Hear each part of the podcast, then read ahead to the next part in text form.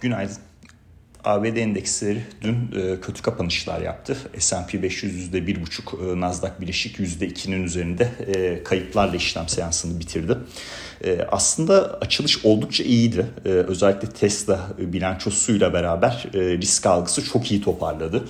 Tesla da zaten yani önemli bir direnç seviyesinin üzerine çıkmıştı gün içinde. 1080 dolarların üzerine çıkmıştı.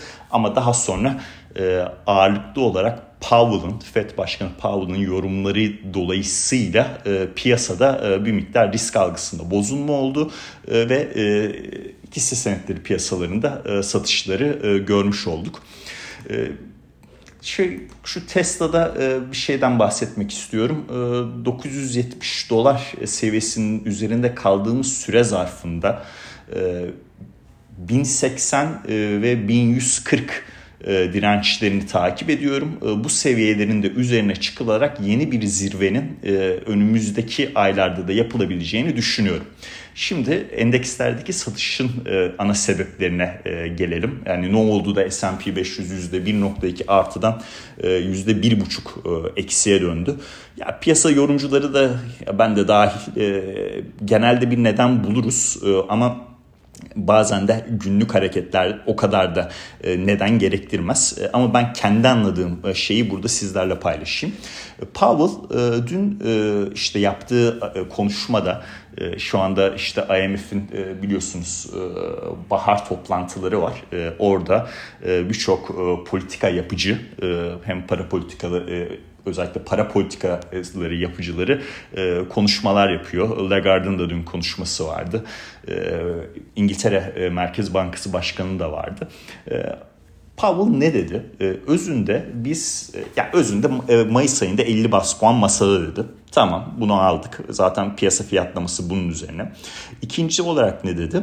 Bu e, faizle ilgili olan kısımda o sıkılaşma döngüsünde e, resesyonun olmaması ile ilgili ince bir e, noktada e, ince bir nasıl söyleyeyim ayar gerektiğinden bahsetti. Yani çok hassas bir denge olduğundan bunun bahsetti. Şimdi daha önceden Powell'la ilgili resesyonla ilgili bir yorum e, piyasa hiç duymamıştı bu sıkılaşma döngüsü içinde. Tabii resesyonun R'sini duyunca anında satmaya başladılar. Ancak e, yani e, Powell'ın demek istediği şey e, biz sıkılaşacağız ve anında resesyon gelecek değil. Yani gayet e, objektif bir şekilde e, sıkılaşma döngülerinde geçmişte resesyonlar da oldu, olmadığı zamanlarda oldu. Dolayısıyla e, böyle bir e, durumun farkındayız ve e, dolayısıyla e, ince bir e, ayar yapmamız gerekiyor noktasını belirtti. Gayet objektif bir yorum ama piyasa bunu daha negatif yönlü anlamayı e, tercih etti. E, ben açıkçası genel olarak açıklanan verilere baktığımda 18 ay içinde bir resesyon gelmesini şu noktada göremiyorum. E, ama e, bazı yatırım e, bankaları bununla ilgili öngörülerde bulunuyor. Örneğin işte bu hafta Citibank'tan 2023 senesiyle ilgili bir resesyon olabildiğinden olabileceğinden bahsedildi. Bu olursa da endekslerin %30 düşmesinden bahsediliyor. Bu yani çok yani çok kitapsal bir yorum arkadaşlar. Bu yani ABD'de resesyon olursa zaten otomatikman endeksler %20 ila %30 arasında düşüyor. Yani dolayısıyla burada asıl soru resesyonun olup olmayacağı. Bu noktada bunu verilere dayalı baktığımızda baktığımızda işte dün mesela e, öncü e, ekonomik göstergeler verisi açıklandı Mart ayı için. E, o hala negatifte değil örnek veriyorum. Yani hani öncü bile negatifte değil artı, artı mevcut veriler e, oldukça iyi e, durumda ABD tarafında en azından yani e, bu kadar e, işte savaşıydı, e, ham madde fiyatlarının da yükselmesiydi vesaire vesaire. Dolayısıyla önümüzdeki ekonomik verilere baktığımızda ve bilanço açıklamalarına baktığımızda bu e, Powell yorumunun e, aslında e, bir miktar resesyona dair yorumunun geriye kal geriye de kalabileceğini görebiliriz. Powell'ın yaptığı ikinci bir yorum enflasyonda tavanın görülüp görülmediği ile alakalıydı. Şimdi bunu şöyle biraz daha büyük çerçeveden değerlendirmek lazım. FED geçici enflasyon tanımıyla çok büyük çuvalladı. Ve şu noktada enflasyonda Mart ayında en azından benim görüşüm çekirdekte tavan olduğuna dair ama bunu görüyor olsa bile açıklamakta daha temkinli davranır. O da aynı bu şekilde bir görü, e, görüş sundu. Yani verileri izleyip göreceğiz tavan olmamış da olabilir diye açık kapı bıraktı kendisi açısından. E, bununla beraber tabii ABD 10 yıllıklarına da satışlar geldi. İşte 2.93 seviyesindeyiz e, şu anda. Dün 10 bas puana yakın yükseldik. Piyasaları da bu tabii negatif etkiledi. Ama genel olarak Powell'ın konuşmasını bir bütün halinde yani tek tek kelime bazlı yani tutup kelimeleri aa resesyon dedi aa çek ta, enflasyon tavanında tavan e, olduğuna dair net görüş belirtmedi. Bunları alırsanız evet endekslerde satışın olması çok normal ama bir bütün halinde e, yorumlarsanız ve işte önümüzdeki dönemlerde neler olabileceğine dair görüşlerinizle birleştirirseniz aslında dünkü hareketin aşırılık aşırı bir e, e yani dünkü hareketin devamında devamının gelmesiyle ilgili olarak bir miktar soru işaretlerinizin olması lazım.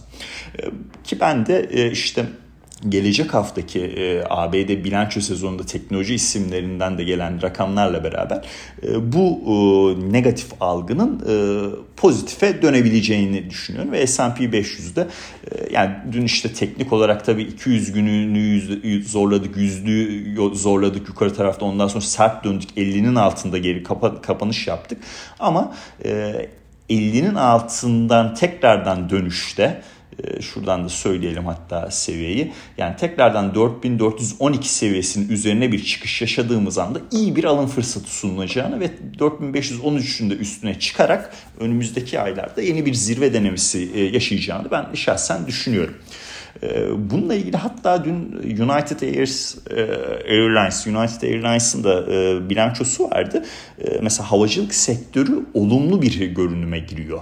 Yani bir resesyon olduğu takdirde bu mesela çok konuşulmaması e, gereken bir şey. Yani e, havacılık sektörü yöneticileri tarafından ama böyle bir durum söz konusu.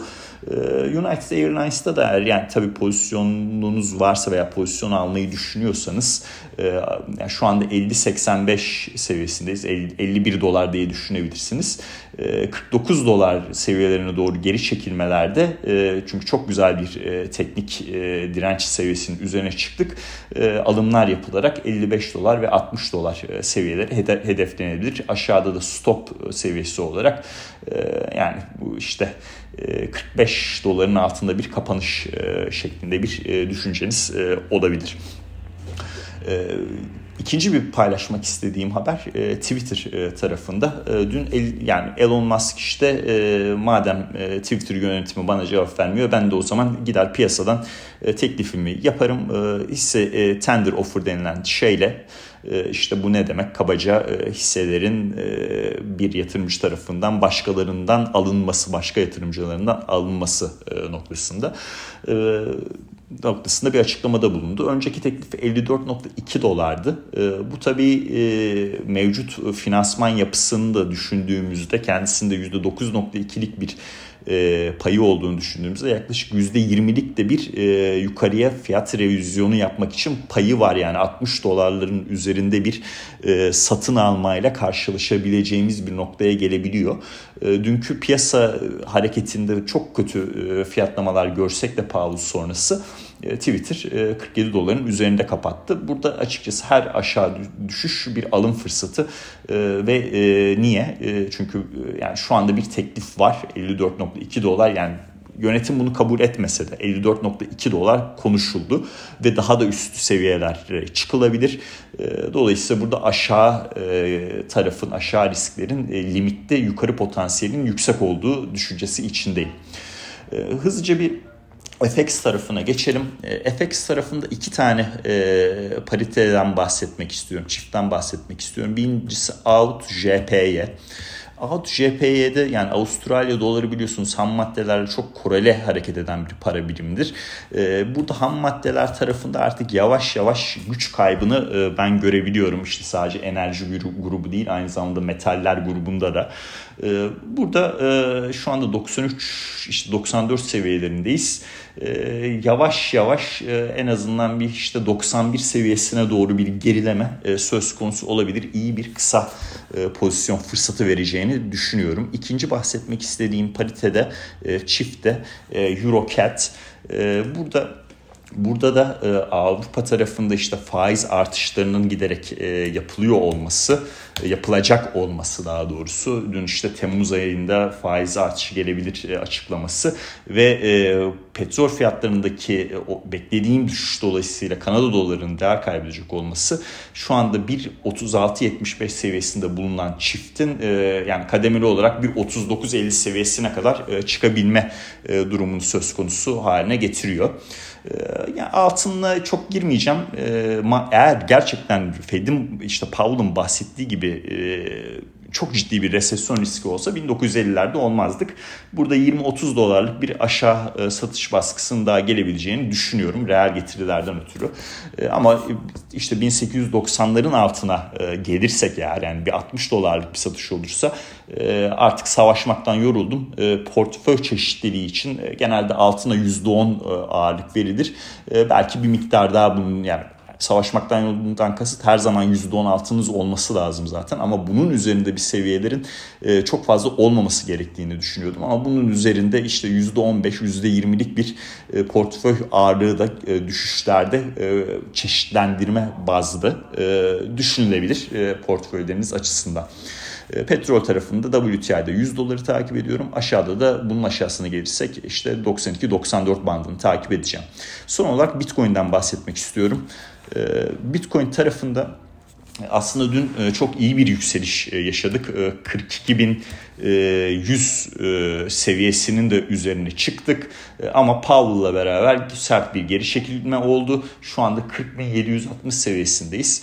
Ben yakın vadede tekrardan 42.000 seviyesinin üzerine çıkılacağını ve 42.000 işte 100 seviyesi korunduğu süre zarfının boyunca 48.000 hedefinin olacağını düşünüyorum. Risk algısının da bununla beraber daha da pozitife dönüş, dönüşeceğini e, açıkçası varsayıyorum.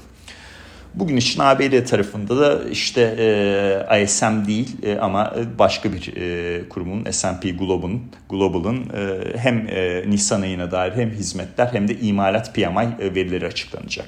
Bu veriler iyi gelirse e, tabii piyasa e, olumlu fiyatlar, kötü gelirse bir miktar kötü fiyatlar. E, ama e, iyi geleceği e, daha doğrusu piyasa e, risk algısını çok bozmayacak bir noktada olacağını ben şahsen düşünüyorum. Dinlediğiniz için teşekkürler. Herkese şimdiden iyi hafta sonları dilerim.